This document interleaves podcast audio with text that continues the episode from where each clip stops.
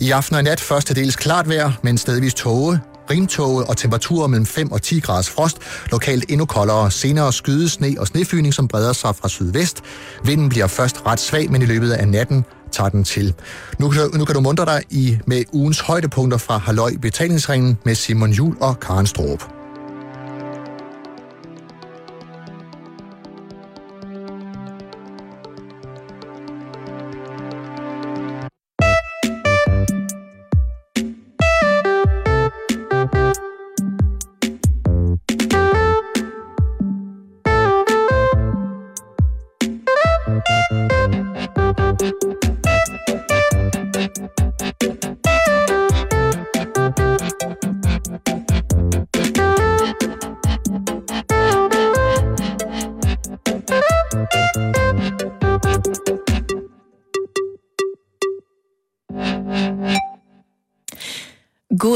Eftermiddag och hjärtligt välkommen till dig som lyssnar på det här programmet. Jeg kunne ikke holde den. Jeg, prøver, jeg går lige lidt videre. Mit navn det er Karin Strorup och bredvid mig där sitter Simon Jul. Och du lyssnar på Halløj i betalingsringen. Du... Øh, Ja, men jag kommer ju direkt från Sverige. ja, yes, yes. Um, Så är det. Ja, det er... Uh, that, yeah, that, all right. That's correct. Det bliver sådan lidt, Ej, det bliver måske... det bliver også lidt hårdt. Ja, det Og lidt øh, højt. øh, øh, ja, fordi du snakker umiddelbart højere, når du snakker svensk. Jeg kan, jeg kan jo kun råbe svensk. Traditionen tro har jeg jo selvfølgelig taget en lille gave med hjem til dig. Ej, Karen. Jo, men sådan er det jo. Ja, okay. Når vi er i udlandet, når vi er på Ja. ferie, når vi er på tur, så har vi lige en lille ting med hjem. Okay. Og den skal du have nu. Og den er her. Værsgo. Og øh, den ene gave er kun til dig, og den anden er også lidt til ham, du bor sammen med. Okay. Og jeg har her fået øh, en rigtig julepose. Det er en pose, som er øh, har på hver side klæbet en ret stor øh, sovende jule, stenende julemand. Øh, på begge sider er der. Og det er selvfølgelig rødt, og det er meget, meget fint en rigtig julepose. Og Den kan du genbruge, hvis Ja. du skal forære nogen en gave, ikke? det er en god idé, Karen. Den kan også sikkert også bruges som sangskjuler. Det kan den i hvert fald. jeg synes, du Hvad skal læse højt, hvad du har fået. Øh, øh, det, jeg har fået lige nu, det er, at jeg har trukket en, en, en æske op af juleposen, som Karen har givet mig. Og øh, det, der simpelthen står, det er øh, på, på æsken på, på svensk, så står der knippegok. Knip, knip, knip, knipgok. Er det det, der står? Øh, det er fra et firma, der hedder Abracadabra Fun and Games. Og det er verdens knasigste partyspil. 100 helt nye sugar-opgifter. Knipgok. Du kan jo til læse, hvad der står bagpå. Hvor underligt kan du bete dig inden for folk på en fest uden at briste ud i gabskrat? Forestil dig en fest, der alle gæster beter sig underligt. Denne partylæg indeholder 100 opgifter, som garanteret er svære at udføre uden at skratte. Jo mere man anstrenger sig for at holde sig fra skrat, desto højere bliver skratten. Korten kan anvendes som bordsplaceringskort. Ops kan virke kænsligt og støterne kænsligt for støterne af personer. Okay. Ja, Jeg har altså fået et partyspil af Karen. du har fået et svensk Men jeg bliver nødt til at pakke det op nu, Jamen, Det er jo det, jeg tænkte. øh, for at se, hvad det er. Ikke? Og der står her på svensk, så vidt som jeg kan oversætte, at øh, der er ikke noget bedre end at grine til en fest. Og jo mere man prøver at lade være med at grine, jo mere kommer man til at grine. Lige præcis. Og øh, spillet hedder Kn- Knipgok. Knipgok. Og Du kan jo prøve at se, hvad der er inde i den. Hvad står der? hver gæst har en opgave. Øh, din opgave er tit som tat. Hvad betyder det? Afslut øh, meninger, du siger med, som tyr, tur er, om no, nogen øh, eller hvis der er nogen, der undrer sig over, hvorfor du siger, siger det sådan, eller afslutter, så forklar, at du prøver at se positivt på alt i livet. Okay, så du skal afslutte alle dine sætninger med, det Som- var da heldigt. Ja, som ty er det. Ja, sådan er, sådan er det. Sådan med- er livet jo. Hvad skal jeg? Du skal øh, sagte, sagte slumre ind der, du sidder eller står. Du skal lige så stille begynde at falde i søvn. Hvor er det vildt, jeg får det kort. Øh, og så vågner du lige pludselig, inden du sover helt. Og hvis der er nogen, der undrer sig over, hvorfor du gør det, så skal du svare usammenhængende. Men det er jo dit kort! Det er jo dit kort, Karen. Det er mit kort.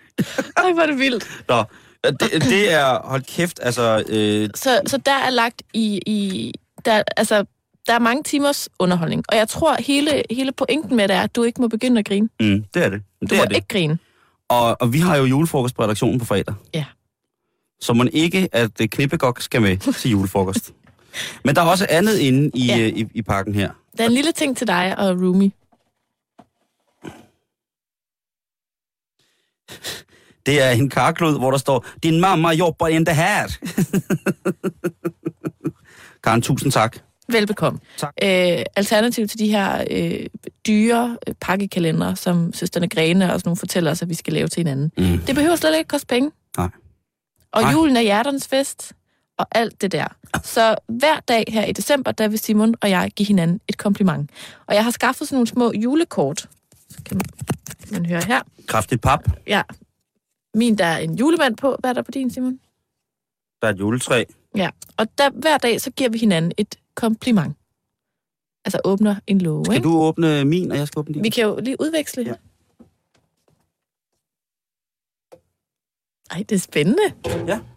Skal jeg åbne først? Gør det, Karen. Okay, nu åbner jeg fra Simon. Ja. Er det sejt? Og der står, det er flot, så meget kor, du synger kor. Tak. Ja. Så det er et Øhm, kompliment, at, jeg, at du synes, det er rigtig flot, jeg synger rigtig meget kor. Jeg synes, det er rigtig, rigtig, øh, rigtig flot, at du, øh, at du synger i det her rytmiske aftenkor. Mhm. Det kan jeg godt lide. Som jo snart har julekoncert Øh, som- den 20. som vi december snart skal til koncert med. Ja. ja. Jamen, tusind tak for det kompliment, Simon. Det er jeg Selv meget tak, glad Karen. for. Så åbner jeg din. Ja. Der står, du er en dygtig musiker, og jeg glæder mig til i aften. Tusind tak, Karen. Og øh, hensynningen til i aften, det er som en... Det er fordi, jeg holder min debutkoncert med band i Pumphus i København i aften. Så Mm. fik jeg også sagt det usmageligt, men det var for at forklare det. Tusind tak, det er jeg meget glad for. Ja. Så det havde faktisk uanfægtet af hinanden begge to noget med musik at gøre. Det er faktisk lidt sjovt. Ja. Det er lidt hyggeligt. Ja. Vi er glade for musik Det er vi i, i hvert vores fald. lille ægteskab. Lige præcis. Så øh, den kommer ned til øh, Nissefar her. Mhm. Tusind tak. Det var den første låge i vores øh, kompliment julekalender. Og i Præcis. morgen, der åbner vi endnu en låge. Men så, skal, så, så vil jeg haste videre Ja. til noget, jeg faldet over i dag. Okay. Og det er fordi, det er en ganske særlig dag i dag, Simon. Nej. Det er simpelthen den 20. gang, at FN har dedikeret en dag helt særligt til personer med handicap. Fedt. Det er simpelthen FN's internationale Internationale. dag for personer med handicap. Det er voldblæret. Og jeg har læst lidt op på det. Og det er nemlig sådan, at øhm, cirka en sjettedel af borgerne i hele EU, omkring 80 millioner, er mere eller mindre handicappede. Ja, Simon, Er det fysisk eller psykisk handicap, eller er det begge ting? det står der faktisk ikke. Okay. Ved du, Så det vi... er sjovt, du siger det. Jeg tror, jeg tror måske, det er fysisk handicap. Okay. Fordi at det kommer nemlig tilbage til, at der er sådan et særligt tema i år Ja. for den her dag. Og den, den siger umiddelbart mere øh, fysisk handicap end psykisk handicap. Ja. Men, men øh, Og øh, det var bare fordi, jeg, jeg tænkte over det, fordi en, en kammerat til mig, øh, som har øh, en meget, meget, meget sort humor, siger, at han hellere ville se, fordi jeg jo ser meget handicap-OL af forskellige årsager, Mm. men han sagde, at han ville hellere se handicap-OL for folk med psykiske handicap. Og så sagde jeg, det er ikke sjovt. Og så grinede vi helt vildt Ja. og skammede os. Men det, altså, det, kan jo være, altså, det kan jo være rigtig, rigtig nederen for folk, med usynlige handicap, ikke? Som psykiske handicap. Det Jo. er jo et lige så stort handicap. Jo, jo, men det, det, det ville jo også være mærkeligt, hvis man til paralympisk lege så 400 meter løbet, som både var med fysisk og psykisk handicappet, og man, at man var blevet diagnostiseret eller kategoriseret med psykisk handicap, der var godt nok til, at man kunne løbe, men at man, at man du ved, øh, så fuldstændig almindelig ud, ikke havde nogen proteser, ikke havde nogen former for synlig fysisk handicap, og så når pistolen lyder, og det går af, så tager personen med det psykiske handicap bare nogle andre measures end, for, end dem med fysisk handicap, der løber. Altså, det, det ville være meget mærkeligt, ikke? At, Mm. Lige stod der en, en nøgen mand og tissede midt på en 400 meter hækbane, fordi at, altså... Ja, det er rigtigt nok. Men, men det er, Ja, men det, men det, det, det er jo sjovt, fald- at, det, at når, når der, altså FN laver en handicapdag, ikke? Der at man siger, at det kun det- er fysisk handicap. Det, nu må du ikke holde mig op på det, men Nej. det tror jeg i hvert fald, det er. Ja. Øhm, men altså, EU gør faktisk en hel del for det her, og, og, og der er sådan nogle, der er nogle forpligtelser i forhold til folk med handicap. For eksempel så har EU og alle de her medlemslande forpligtet sig til at skabe et Europa med, med god plads og uden hindringer for de handicappede. Og det har de gjort ved at underskrive en øh, konvention i forhold til handicappede, ja. øh, handicappets rettigheder osv. Yes. Så der er sådan, det er sådan, det er tænkt meget ind i politik i hele EU. Og nu kommer vi frem til det store tema for øh, den internationale dag for personer med handicap 2012. Ja. Tilgængelighed. Okay? Og det er der, jeg mener, at jeg tror, at, at vi, er, vi er over det fysiske. Fordi, hvad mener FN så med det? Ja. Og det har jeg fundet en lille definition på her. Fedt. Tilgængelighed betyder, at handicappede på lige fod med andre har adgang til det fysiske miljø, transport, informations- og kommunikationsteknologier og systemer samt andre faciliteter og tjenester. Okay. Så det, der ligesom er særlig fokus på, lige nu der er der et, øh, et kæmpe øh, møde nede i Bruxelles, hvor at øh, handicaporganisationer fra hele EU mødes og diskuterer lige præcis tilgængelighed. Ja. Og der er det ligesom det her med, jamen, øh, når du har et fysisk handicap, så kan du godt føle dig afskåret fra samfundet. Mm. Mm. Og der er jo nogle ting, vi ligesom som samfund tilbyder os for at udbrede demokrati og så videre. Altså sådan alle mulige offentlige ting, hvor at der stadig ikke altid er tænkt en kørestol eller noget andet ind i. Og det er simpelthen for dårligt. Så det holder de møde om nede i Bruxelles lige nu. Sejt. I kølvandet på det her, Yes. der er der så også lavet en øh, undersøgelse, der viser, at europæerne faktisk generelt er sådan meget øh, enige om, at handicappede de skal have lov til at deltage i samfundet på lige fod med folk, der ikke har handicap. Og det er jo dejligt, at der sådan, det er den generelle holdning i EU, kan man sige. Ikke? Måske lidt for uroligt, at det faktisk skal, skal skrives ned. Jo, men, men så, så bare vent, der kommer mere. Blandt de adspurgte mente 97 procent, at folk med et handicap skal have adgang til at gå i skole, få et arbejde og komme i butikker ligesom alle andre. Ja, det har de også skrevet ned. Det er jo ikke, fordi det er ikke en stor del af den normale menneskerettighed. Jo, men jeg tænker bare, hvad sker der for de der 3 procent, der ikke synes det? Hvem er de? Det er ret vildt. Altså, jeg er med på 97 procent, så er vi langt. Ja, det Vi er er vildt. næsten i mål. Men hvem er de der 3 procent indebrændte procent, der bare ikke synes, at handicappet skal have rettigheder? Det kan være, at det er nogle sure handicappede. Som føler, at de ikke får nok. Okay, det kan godt være. Nå. De er sindssygt indebrændte. 7 ud af 10 mener, at bedre tilgængelighed til varer og tjenesteydelser vil forbedre livskvaliteten for handicappede, ældre og andre, som for eksempel forældre med små børn. Mm? Jo, jo. Igen, 7 ud af 10. Der er stadig en lille gruppe, vi mangler, der sådan ikke Det er synes, det der tallet tre spørger.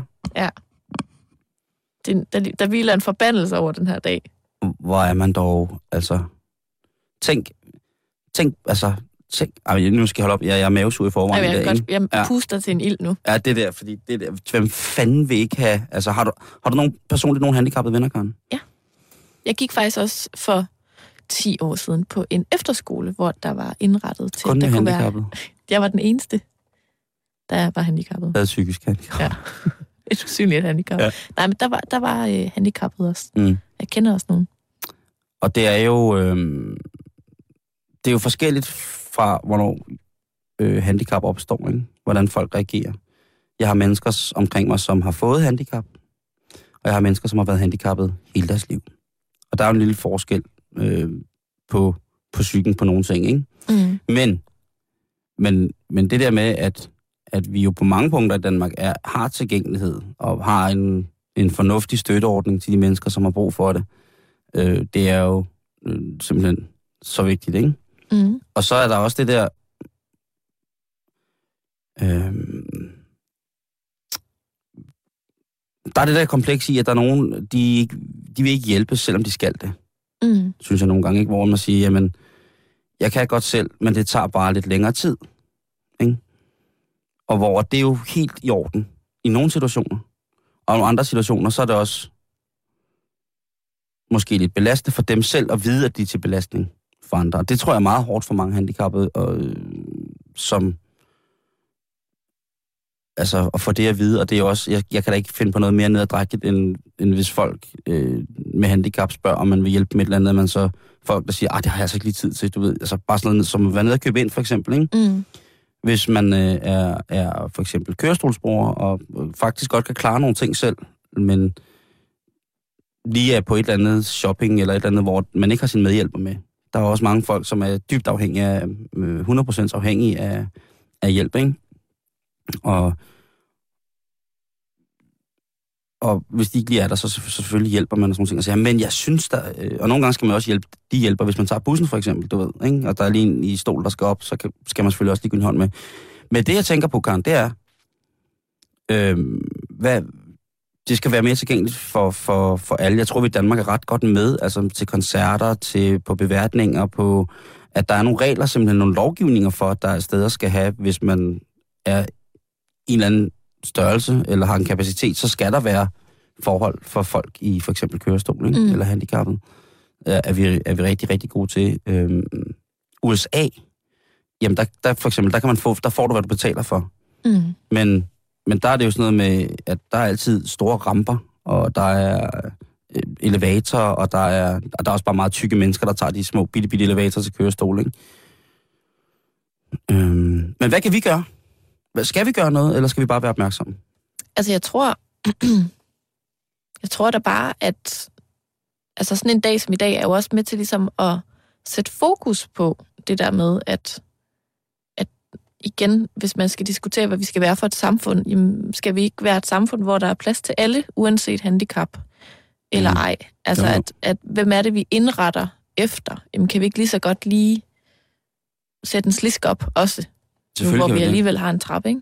Jo. Men noget, der er ret interessant, som, øh, som er noget af det, de også skal diskutere nede i Bruxelles øh, i dag og i morgen på den her handicap-konference, det er, øh, om man skal lave sådan mere ensrettede handicap-indretninger i hele EU.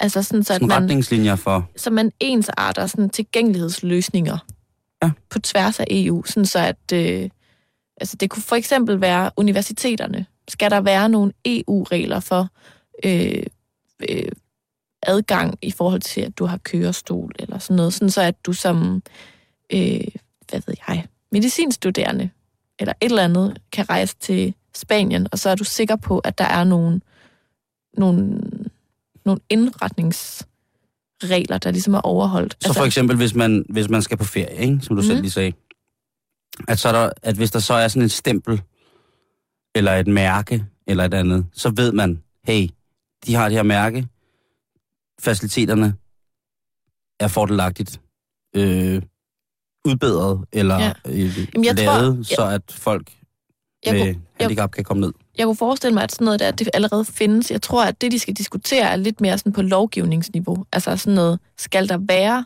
nogle retningslinjer? Sådan så at, Ligesom vi har i Danmark. Jo, jo, sådan så at, at, at du ikke engang behøver at lede efter det der mærke, der ligesom skal vise, om det er handicapvenligt eller ej, men at ja. Du ligesom bare ved, jamen, øh, altså, nu, det, altså nu, nu digter jeg lige mit hoved, ikke? Men altså, øh, at, at alle busser i EU er handicapvenlige. Slut. Det er de sikkert i forvejen. Det har Men... kørt af en spasser. Øh, eller at, at, øh, Jamen alle de her institutioner, alle biblioteker for eksempel, Ja. Alle banegårde, alle busstopsteder, altså de der ting, der ligesom i forvejen er styret lidt af staten, at det er bare De offentlige per ting. definition Ja. handicapvenlige Yes. i hele EU. Det tror jeg er lidt af sådan en våd drøm for, for dem, der har taget derned for at diskutere det i dag. Det synes jeg er en god idé. Den, den, kan, den kan jeg grave 100 procent. Men også, Altså, det jeg der med, synes jo... men også det der med, Simon, man ved bare ikke, om det lige pludselig sker for en selv, vel? Nej, nej. Ja, nu tænker jeg på, på, på mine bekendte, ikke? som, altså, som Altså, er stærkt afhængige af det. Ikke? Øh, og når det så er sagt, så øh, synes jeg også godt, man kunne lave en, en awareness-dag for folk med psykiske handicap. Bestemt. Det er ikke kun det. Og de to ting hænger måske også nogle gange lidt sammen, så hvorfor ikke ligesom slå alt over en kamp? Mm. Jeg siger ikke, at vi skal til at lave øh, specielle offentlige steder til psykisk handicappet. Øhm, men det vil klæde os. Altså man kan i hvert fald, om ikke andet, øhm, i tale sætte handicap, ikke? Ja. Altså kan du huske, at vi besøgte Evald Krog, formanden for Muskelsvindsfonden Seje, seje i sommer? Altså der snakkede vi jo også meget om det der med sådan handicap og humor. Mm. Altså det der med, at, at jeg tror også stadig desværre, der er sådan en berøringsangst omkring det, og måske også en diskrimination i forskellige afskygninger. Og Det er der. altså, Og der, det- der er, er- der er jo- oplysning kan altid være med til ligesom at og så fjerne nogle fordomme måske. Og kontakt. Altså Mhm. den, den fysiske kontakt, det der med, at, at når folk... Det har jeg jo oplevet tit, at, øh, at hvis man er i byen med nogle af, af folkene, nogle af de mennesker, som sidder i, i kørestol, eller er voldsomt afhængige af medhjælp og sådan nogle ting, og siger, at folk kigger sådan lidt, du ved. Men det er også... At de, de kigger lidt, ikke? Og de kigger lidt med de der, ah, det er så synd øjnene, ikke? Mm. Og det er meget forståeligt, man står måske fuld, og så kommer der en mand ind i en kørestol, som bare nærmest er en finger og en slange, ikke? Øh, og får hældt sin sprut ned i en slange. Og, altså sådan, sådan nogle ting, hvor man tænker... Jeg, øh, jeg tænker jo, øh, og... Men der er mange, der tænker, ej, det var dog forfærdeligt, og var det synd, og hvad er det, bla bla bla. Og, Mm. og den person, om ikke andet, der kigger skælmsk på, på, på en, en person, i en handicappet person, jamen altså, de kunne... Jeg har, det, jeg har lært for eksempel af mine handicappede venner, ikke, det er det der med at bare fucking nyde livet. Mm. Ikke? Har, har mennesker, som får fortalt øh, fra de 12 år gamle, at de bliver maks 25, ikke? og så bliver de måske ældre, ikke? eller måske bliver de ikke ældre, men bare lært det der med at, at, at sætte pris på, på alle de ting, man, øh, man nu kan og gøre, og sådan nogle ting og sager, ikke? Mm. Og så er det selvfølgelig også ens ganske almindelig menneskepligt at hjælpe dem, som der har brug for det, hvis det og specielt hvis det er inden for ens egen øh, Mm. vennekreds og sådan nogle ting. Og sager. Får man handicappet, øh, for, eller har man venner, som bliver ramt af handicap, jamen så er det ikke, øh, så skal man virkelig vide, at jamen, det er nu, man skal hjælpe. Altså, og der vil selvfølgelig den, den fysiske støtte, men også den psykiske virkelig, virkelig, mm. virkelig, virkelig være.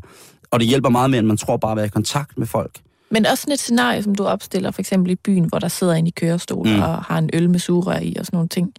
Altså, igen tror jeg bare, at med så meget, ligesom med så meget andet, så er det de der fordomme, der bare sådan laver en kløft, fordi at hvis man ikke ved bedre, kunne man Ja. ja. måske godt tage sig selv i at stå og tænke, må man godt drikke alkohol, når man kører i kørestol, eller et eller er det andet, synd og sådan noget. Og de, Jamen ikke nødvendigvis, hvor er det synd, men også, at man måske undrer sig, og så glemmer egentlig måske bare at spørge, Jamen, det er rigtigt. Og, og, Hov, og, de, må vil- du godt drikke? Og så siger man, ja. og, og, man, og man vil jo altid... Øh, man vil altid få et ærligt svar. Det er de ærligste... At de mennesker, jeg kender, har haft masser af kontakt med Muskelsvinden, har det stadigvæk heldigvis. Og de muskelsvindlere, som, som jeg kender, I'm sorry to say, men det er nok dem, som har givet mig min morbide humor. Hvis der er noget, der smitter af, så er det min... mob- Altså, hvis, jeg, hvis der er nogen, der siger, at jeg har en morbid humor, så er det mange af de... Øh, ja, nu kalder jeg dem så svindlere, men folk ramt af muskelsvind er vist mm. Mhm. den korrekte titulering eller omtale. De har en selvironi, og de har en selvforståelse, som er også så langt væk fra os, som i gåseøjne er almindelige. Øhm, og hvis man er i tvivl, jeg jeg vil da bare anbefale, at man tjekker ind på Muskelsvindsfondens hjemmeside, hvis man har lidt berøringsangst, så tjekker man øh, ham, der hedder Tony, mm. Mhm. som er ungdomsrapport, den skøre ungdomsrapporter. Meget, meget liderlig mand i kørestol. Øh, og se ham og tænk liderlig, for det er rigtigt. Øh, men for mange, der er det bare sådan, det, nu, er, nu er det over grænsen. Nu er det simpelthen over grænsen, ikke? Nej, det er det desværre ikke. At Fordi det er ens egen blufærdighed. Det er ens der egen, lige præcis. Det er en, deres, ens helt egen blufærdighed, og de mennesker, de har fuldstændig på mange... Altså, 99,9 procent af følelsesmæssige alleler, dem har, dem har folk jo i kørestol også. Mm. Øh, eller handicappede øh, mennesker, som er langt de fleste, eller ikke langt de fleste, men der er jo mange handicappede, der sidder i kørestol, og som har fysisk handicap, men som jo mentalt fungerer fuldstændig øh, på et overlegen plan i forhold til os. Øh, så de har jo selvfølgelig de samme øh, tanker og sådan nogle ting at sige. Og når jeg har når jeg møder de der folk, jamen, de er jo for sindssygt morsomme, ikke? Altså, jeg havde en, en, en kammerat, som var sikker på, at han skulle stage dive i sin kørestol, ikke?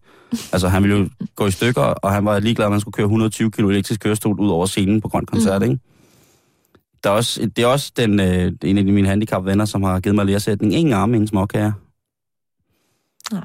Hans hænder er på størrelse med, med sådan to kyllingelår, ikke? Og sidder helt oppe i kroppen på ham, han kan ingenting. Med dem helt krøllet sammen. Simon, ingen arme, ingen småkager. Sådan nogle ting, ikke?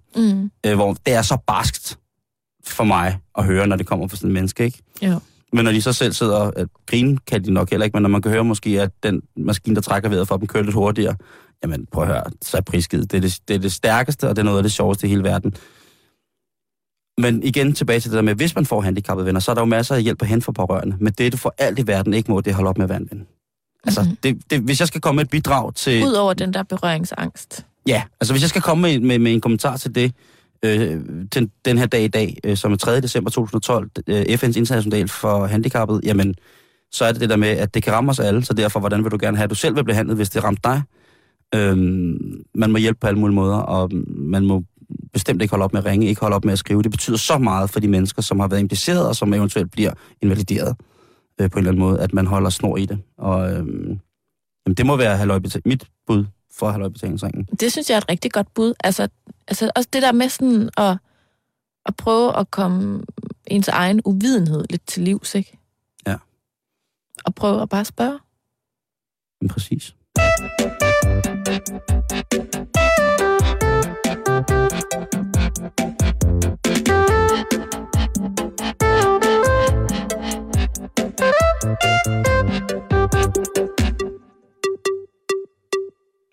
Simon, nu skal det blive lidt mere alvorligt. Mm. Og nu stiller jeg dig lige et personligt spørgsmål. Det håber jeg er okay. Mm, ja, okay. Når du vil lægen, hvor god vil du så sige på en skala fra 1 til 10, er du til ligesom at huske at få spurgt om alt det, du sådan gerne vil høre? Er du sådan typen, der, der bagefter sidder og siger, åh, oh, det skulle jeg så spurgt om. Ja, det er jeg sgu nok nogle gange. Fra en skala til 1 til 10? Jamen, det jamen, så er vel en femmer. Sådan, jeg norm- normalt. Jeg spørger om de ting, som jeg husker, jeg skal spørge om, tror jeg. Mm. Og så ved jeg, at lige så snart, at jeg går ud af døren, så er der fem-seks nye spørgsmål, der melder sig. Ikke? Ja. Men du er ikke alene, Simon. Nå, Fordi i går, der øh, startede der en ny kampagne, der hedder Spørg Løs, som er sådan et øh, samarbejde mellem øh, Trykfonden og, øh, hvad hedder det, øh, skal jeg, Patientsikkerhed, det danske selskab for patientsikkerhed. Ja. De har lavet den her kampagne, og den går ud på at øh, oplyse alle, og ligesom give et værktøj, der hedder, du skal bare spørge løs okay. fordi at man har fundet ud af, meget logisk, at jo mere man spørger, når man er enten er ved lægen, eller man skal have en operation, eller et eller andet, så øh, jo mere man spørger, jo mere får både lægen og patient ud af det her jo. øh, forhold. Det giver jo ret god mening. Personligt, der, der kan jeg godt nogle gange sådan være bange for at spørge selv, fordi at jeg nok, også ligesom så mange andre, har sådan et lille, et lille hypokondergen. Så jeg er bange for at sidde og føle mig dum. Kender du ikke det, når man så sidder og sådan... Jamen, så havde man også lige et andet spørgsmål, og et tredje spørgsmål, og et fjerde spørgsmål, og lige pludselig så er tiden gået, og så ser ens læge sådan helt jeg træt ski- og sur ud, og, og vil egentlig bare gerne have, at man smutter, fordi det er tid til næste. Jeg og det- det kan godt af det der. Er det rigtigt? Ja. Hvad, hvad, hvad, hvad oplevede du ligesom? Jeg oplevede bare en læge, som ikke gad. Mm? Jeg tror, altså... Sur gammel kælling, som ikke kunne få noget skid, og som bare øh, sagde nogle mærkelige ting. Og Men det er sjovt, fordi det, er præ- jeg har oplevet præcis det samme. At, er jeg verdens bedste læge. at det der med sådan at gå ind til ens praktiserende læge, og allerede på vej derind kan man mærke, at hun orker dig simpelthen ikke. Og hun orker faktisk ikke dine spørgsmål, og hun synes bare, det er træls. Hun synes, du er klam. Ja, du er ulækker, hun vil grøre ved dig. Men det er ret sjovt, fordi så den her kampagne har ligesom lavet sådan et twist. Fordi at det viser sig, at der er en særlig gruppe kvinder, som er rigtig dårlige til at få stillet de her spørgsmål. Så for at få fat i de her kvinder, øhm, sådan midalderne kvinder og op efter, har man allieret sig med landets frisører. Det er kraftigt en god idé. Fordi at, øhm, sådan er det med langt de fleste, i hvert fald hvis man har ligesom sin egen faste frisør, man kommer hos, at dem har vi det fint med ligesom at fortælle om alt muligt forskelligt, og hvordan det går med hunden, og hvordan det går med manden, og hvordan det går med jobbet. Og, og de her frisører, de får så sådan et kit, øh, som består af blandt andet et visitkort, de kan give til deres øh, kunder. Mm. Og så kan de ligesom starte sådan en snak, der hedder, når du vil læne, husker du så egentlig at spørge om alt det, du er i tvivl om? Og så igennem frisørerne, ud til kvinderne, videre hen til lægerne, eller sygeplejerskerne, eller hvem ved sundhedsvæsenet de er i kontakt med. Og så på den måde får man, får man startet sådan en, en kædereaktion, der gerne skulle ende ud med, at de skulle blive bedre til at spørge. Det er vildt nok ikke, at man skal bruge forsøg. Jeg, jeg, synes, jeg synes, det er en god idé, men det er da også... Jeg ved, det er da også lidt mærkeligt at skulle snakke med sin frisør om det. Ja. Øhm, og, en ting, og, og, og ved du hvad, en ting er at snakke med frisøren om det, fordi at man jo godt ved, at det er måske sådan lidt øh, uforpligtende at fortælle sin frisør det. Mm. Men noget andet er jo at sidde og fortælle en læge det, som jo måske... Altså, man er jo altid bange for at få konstateret SARS eller skab eller et eller andet, ikke? Så, det, så man... Ah, skal man stille det spørgsmål, eller skal man ikke stille det spørgsmål? Ah, Ja. øhm, altså, selvfølgelig... Kan du følge mig? At, Jamen, det kan jeg godt. at, at det, det, jeg vil sgu aldrig snakke med, hvis jeg skal være helt ærlig. Nu er, Ja. nu, nu er det også kvinder, det drejer sig om. Mm. Jeg skulle ikke gide at snakke med min frisør om... Øh, Jeg men men, men ja. jeg, synes, jeg synes, det er en god idé, men jeg synes, øh, til at starte med, så til at starte med, så, øh, så skal man jo kunne sige, altså det er jo derfor, man går til lægen. Altså, jeg for at synes bare- spørgsmål, altså. Jeg synes grundlæggende, altså jeg synes, det her det er et rigtig godt initiativ, fordi at det på sigt jo sikkert kan redde menneskeliv, ikke? At man lige spørger, altså når man alligevel er nede ved sin læge for at få tjekket øh, det der knæ. Mm. Der er noget bøvl med knæet, og hvis du så alligevel lige har et modermærke, der ser lidt mærkeligt ud, eller du har lidt hovedpine, eller et eller andet, altså så spørg dog. Det kan jo være, det hænger sammen. Ja. Men jeg kender det bare så godt for mig selv, at det er sådan, jeg vil ikke være til besvær, når jeg er ved min læge. Men det skal og du det er sådan være. en åndssvag tankegang, som jeg tror desværre, at der er rigtig mange, der har. Ellers ville det jo ikke være nødvendigt med sådan en kampagne her. Ja. Men også det der med sådan, de lægger meget op til, at man skal øh, sørge for at forberede sig rigtig godt. For eksempel også, hvis man skal have en operation. Så det der med sådan at skrive spørgsmålene ned hjemmefra. Og, ja. Men du kan i hvert fald gå ind på nettet Ja. og søge på Spørg Løs. Og så kommer du ind på en øh, hjemmeside, hvor at der også er øh, forslag til, hvad du for eksempel kan spørge om. Det er ret smart. Altså, jeg har tit hørt om det der med, jamen, når jeg så spørger, så siger de, ej, der er ikke noget i vejen. Øh, og jeg har også hørt om folk, som sagde, der var ikke noget i vejen, og så var der noget i vejen. Ja.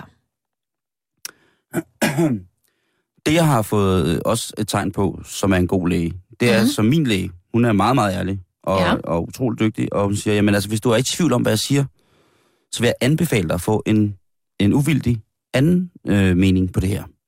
Det vil sige, at så kontakter man en anden læge Mm-hmm. øh, et sted, og så siger man, prøv jeg har det sådan og sådan og sådan her, vil du komme med en uvildig anden øh, undersøgelse Ja. eller mening om, om jeg virkelig fejler noget, eller om jeg bare går med et eller andet, ikke? Ja. Øhm, og det kan være, øhm, det, det kan være ret, øh, ret fornuftigt.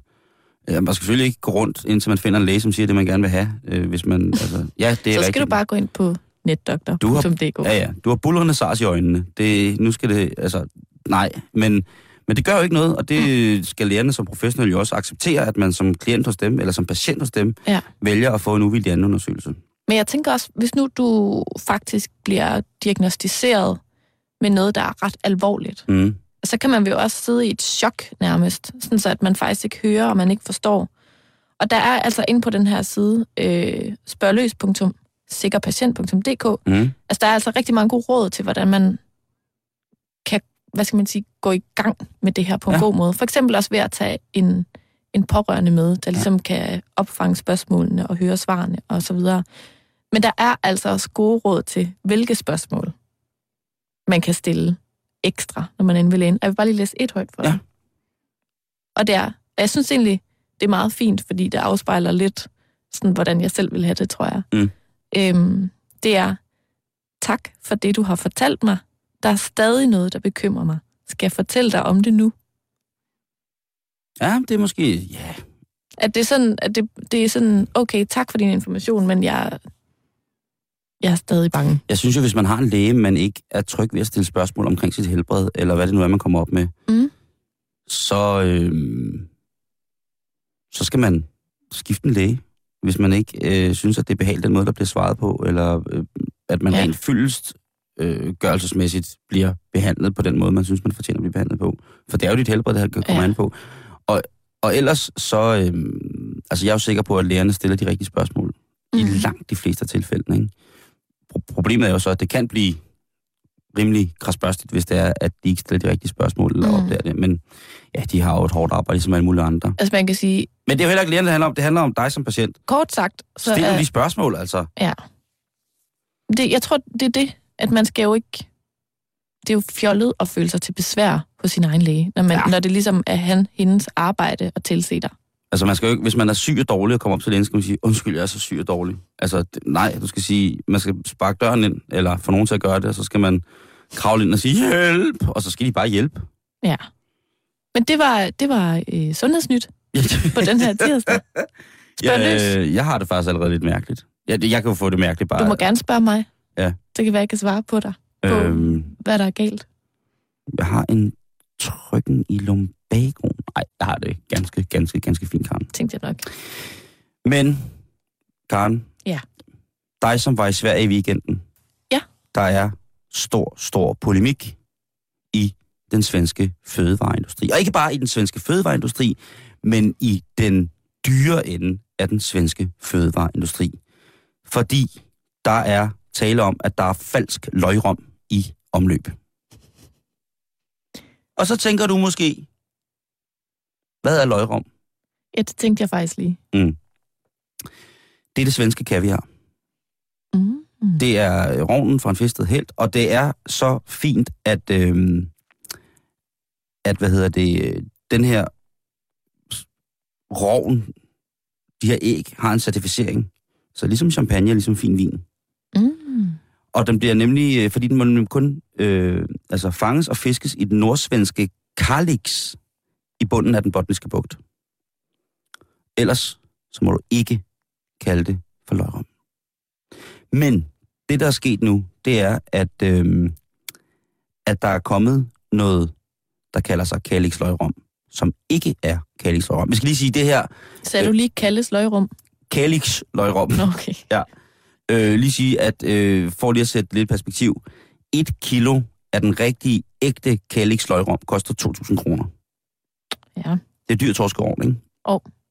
Øh, og nu er det simpelthen, nu, nu er det for meget. Nu er det simpelthen for meget. Og det, svenskerne har fundet ud af, det er, hold nu fast, et dansk firma, som står, et unavngivet indtil videre, dansk firma, der står for produktionen af de falske Kalix løgrom. Så det skal man altså passe virkelig på. Mm. Det, der svarer til den, den danske fødevarestyrelse, som hedder Levs, Livsmedelsverket i Sverige, Jo. har øh, er gået så meget ind i sagen, og blevet så rasende over det, at de altså har lavet en, øh, en lille her, en elite af løgrumsmager, som skal gå ud og sørge for, at den falske løgrum ikke er i omløb. Og det er sådan, altså den ligner øh, lakserovn, lidt mindre samme farve, sådan, den er meget gylden, sådan lidt med en rødlig tone. Det er virkelig, øh, virkelig en delikatesse.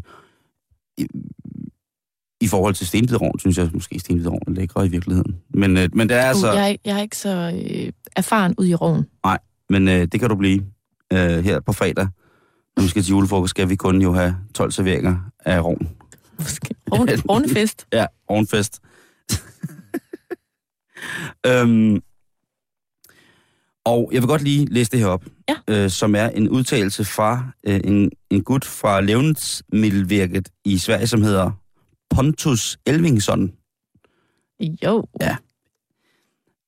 Han fortæller her, hvordan at øh, løgrom-eksperterne kommer til at fungere. Vi uddanner dem i, hvordan man genkender produktet, hvordan man genkender forfalskninger, og hvordan man skal reagere, siger inspektør Pontus Elvingsson. Specielt den der med, hvordan de skal reagere.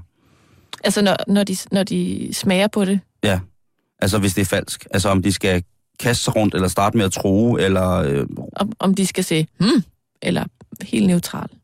ja. Uh. Øhm, men vi ved ikke nu, som sagt, hvilket dansk firma der er, der har forbrudt sig så meget. Jeg tænker bare på, der er en gammel sætning, som hedder, den dag svensken går, svensken går over isen, så er det slut. Ja. Og hvis der var noget, som jeg tror, der kunne starte en... Øh, altså, tænk nu, hvis de begyndte at lave falsk lurpaksmør i Sverige. Hvad vil vi så ikke tænke her i Danmark? Det vil være forfærdeligt. Ikke? Jo. Eller de lavede en, øh, en falsk udgave af Stryns lever på steg, den blå. Ikke? Grovhakket. Grovhakket lever cremage, som lige pludselig opstår på svenske plader. Ikke? Så vil vi jo også vente på, at sundet frøs, ikke? og så vil vi gå med hestevogne og hellebarter over isen med fakler og høtyve imod øh, de tosser. Ja. Så jeg tænker bare, det der firma, det skal findes nu. Det skal stoppes. Det kan være grunden til, at vi lige pludselig sidder i et land, styret af folk med stanjolhatte og venter på en enhjørning. Det må stoppe nu. Øh, og jeg kan ikke øh, mere end at sige, træd frem, danske firma, der forfalsker løgrom. Træd frem og fortæl, hvad det er, I har gjort, og at I angre, angre, angre. Fordi ellers så går det amok for provstesædet i Lund. Eller Og hvis, er jeg nu tilbage i 1500-tallet igen? der, der ryger du tilbage en gang imellem. undskyld. Det, er Ja, det var dårligt, dårligt, dårligt, så jeg kan ikke. Det må Det er tidsmaskinen. medieval, altså medieval times og mig. Ja, det ved det kan jeg lytte undskyld. Men stop det, fordi I roder, I leger med en ild, som man ikke skal lege med i forhold til. Det er jo altså, øh, det er jo noget, som der altid er på menuen i det svenske kongehus til store kalasser. Ja. Og øh, Karen, øh, det bringer mig videre til øh, øh, et punkt, som jeg har, har, har glædet mig lidt til, fordi Mm. jeg har lavet en quiz til dig. Har du? En lille, en lille quiz. Ej, jeg elsker quiz. I know, I know. Øhm, Mest når jeg kan svare på det. ja, og det her, det er sådan en, øh, det er sådan en hvor man får valgmuligheder. Okay, det er sådan det er godt. 50-50. Det er godt. Og det skal dreje sig om, at jeg, øh, Politikens madredaktion har lavet en, øh, en liste over 50 nordiske retter, vi skal lave. Og nordisk, det nordiske køkken. Øh, hvordan har du det egentlig med det? Øh, ved du hvad? Altså, Er du, rider du Noma-bølgen? ej, det gør jeg bare ikke. Hvorfor? Jamen, jeg, altså, det er ikke med vilje. Hvad er det er det bedste bare... restaurant? Jeg, jeg, tror, jeg tror, jeg er meget fascineret af det. Mm. Øh, og jeg synes, der er nu, at det, det, det er rigtig fint. Men jeg ved, jeg, åh, jeg er jo ikke øh, lige så gastronomisk interesseret, som du er. Så jeg tror, det er sådan... Mm, Du vil ikke have myrer på menuen. jo, altså jeg kan godt se, at det kunne være en interessant oplevelse. Ja. Men, men, men de der 60 milliarder, det koster for, for en ret på Noma, de er altså de er dårligt givet ud på mig. Jeg, jeg være bange for at komme til at, at tage det lidt for givet, tror jeg. Lad os lige... Altså, jeg elsker mad, og jeg elsker også nordisk mad. Ja. Men, men, men jeg, det er ikke fordi, at, at jeg sådan, synes, det er, det er sådan noget hypet, ligegyldigt noget. Jeg synes, det er rigtig spændende, Mm. men jeg, jeg kan ligesom ikke rigtig sådan komme op og køre over det.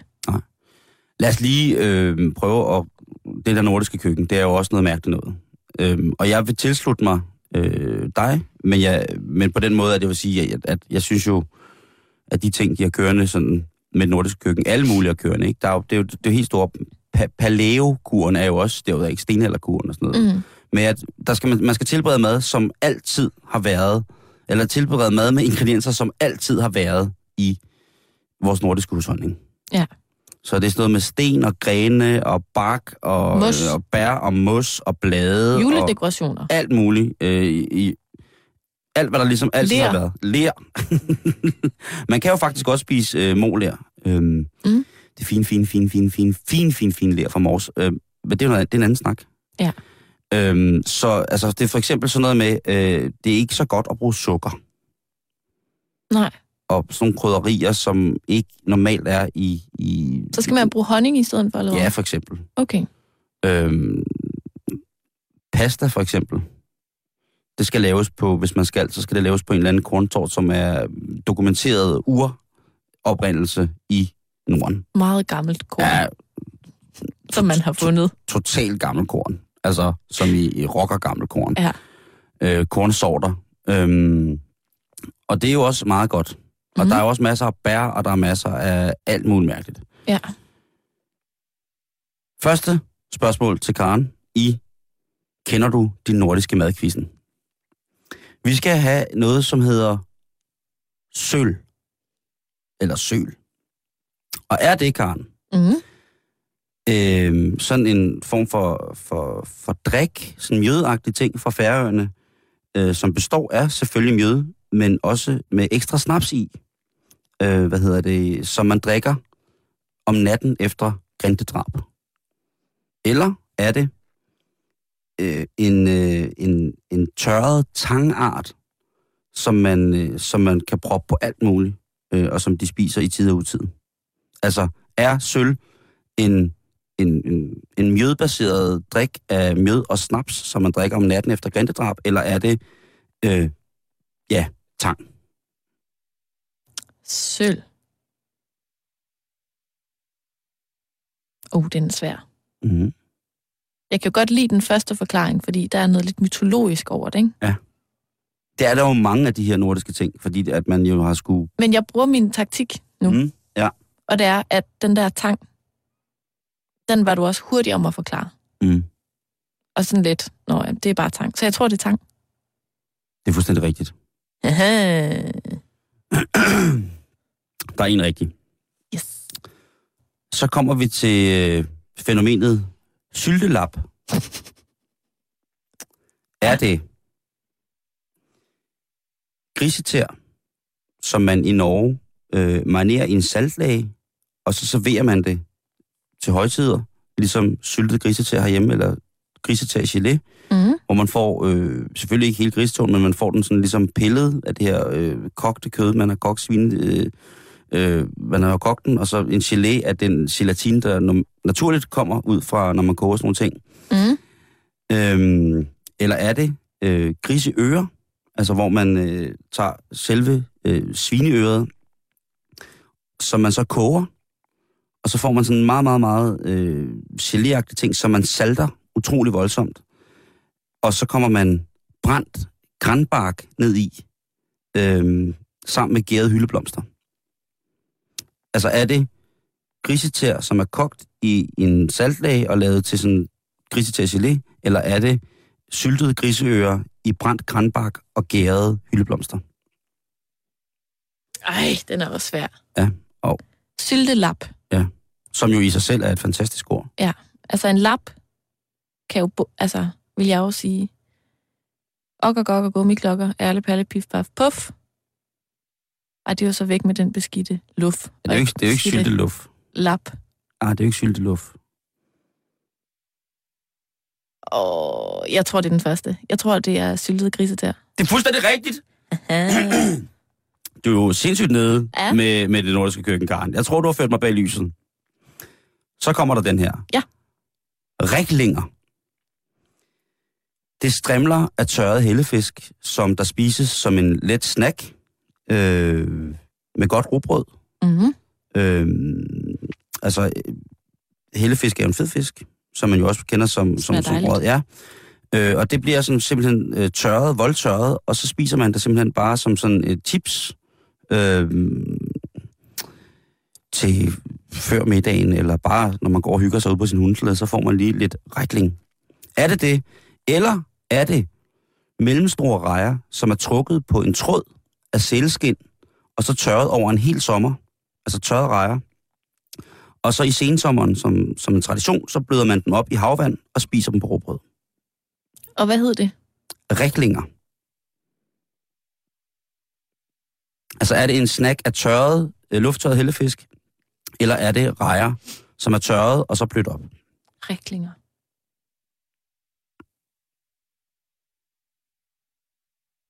Mm. Ja, du lytter til Halløj Betalingsringen på Radio 24 hvor vi er i gang med den store nordiske madquiz, som Karen Stroop har indvildet i at gå i gang med denne tirsdag. Riklinger. Og vi er altså på spørgsmål nummer tre om, hvad er riklinger? Ved du jeg tror faktisk, det er nummer to.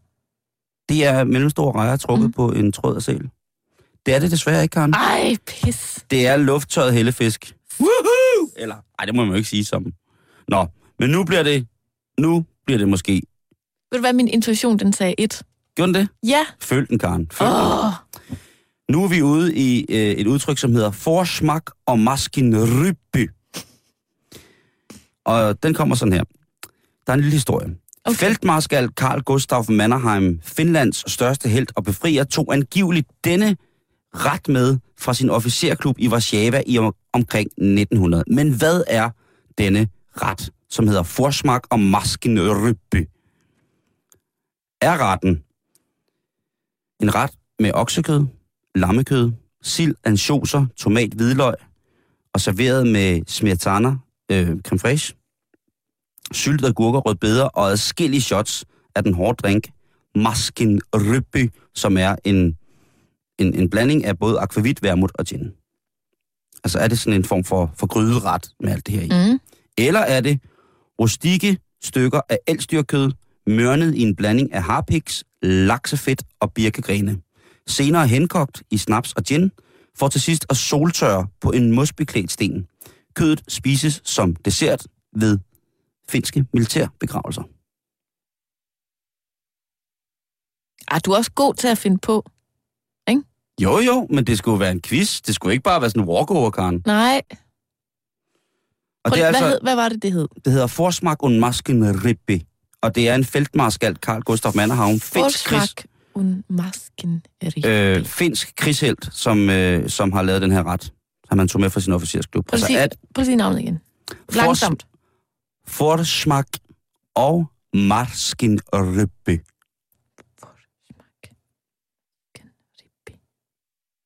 Ej, det er toren. Er det det rustikke elstykket? Ja. Det er forkert. Ej, var det irriterende. Det er, øh, det er simpelthen en ganske almindelig gryderet. Hvorfor? Det gik lige så godt. Ja, men nu, nu, nu, nu er det 2-2, Karen. Det, det, Øv. Så i radioen.